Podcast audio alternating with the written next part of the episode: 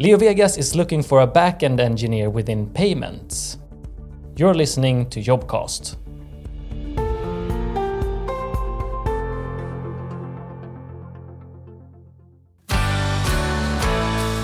My name is Andreas Frey. I work as a team lead in payments at Leo LeoVegas. In my role as team lead, I have the responsibility for the developers and the QAs and the development team, basically. It's uh, a lot of like a line manager, but also uh, having responsibility for not so much what we do, but more how we do it, and that we actually deliver on uh, what we commit to. Currently, we are looking for, for primarily Java developers with experience in, in the backend. And of course, if you have experience in Kotlin and experience from the payment side of things, that is of course of, of interest, but is nothing that we really require.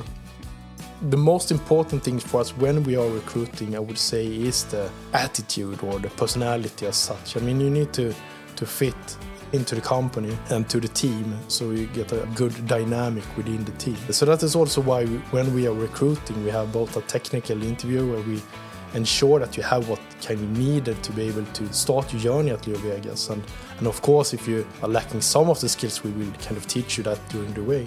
But the attitude is harder to, to change over time. So, so that is something that, that we look uh, a little bit extra at. So when it comes to attitude, I think one of the more important things is that you have the, the forward drive in you, what we call the self drive.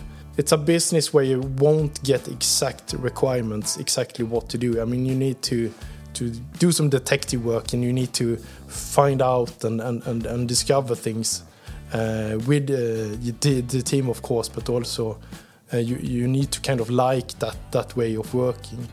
And then, of course, it's also important that you are brave enough to, to try new routes and new ways of working and, and, and uh, push these kind of things forward uh, with the team and, and as an individual. If you listen to everything I said so far and, and think that's interesting, then of course you should uh, should apply to get additional details about the role as such. But I mean, Leo LeoVegas is a uh, global entertainment company that works in a lot of different regions of the world, so it's, it's really exciting workplace to, to be at.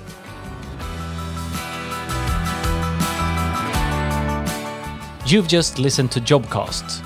Would you like to get to know more companies? Download our app at App Store or Google Play.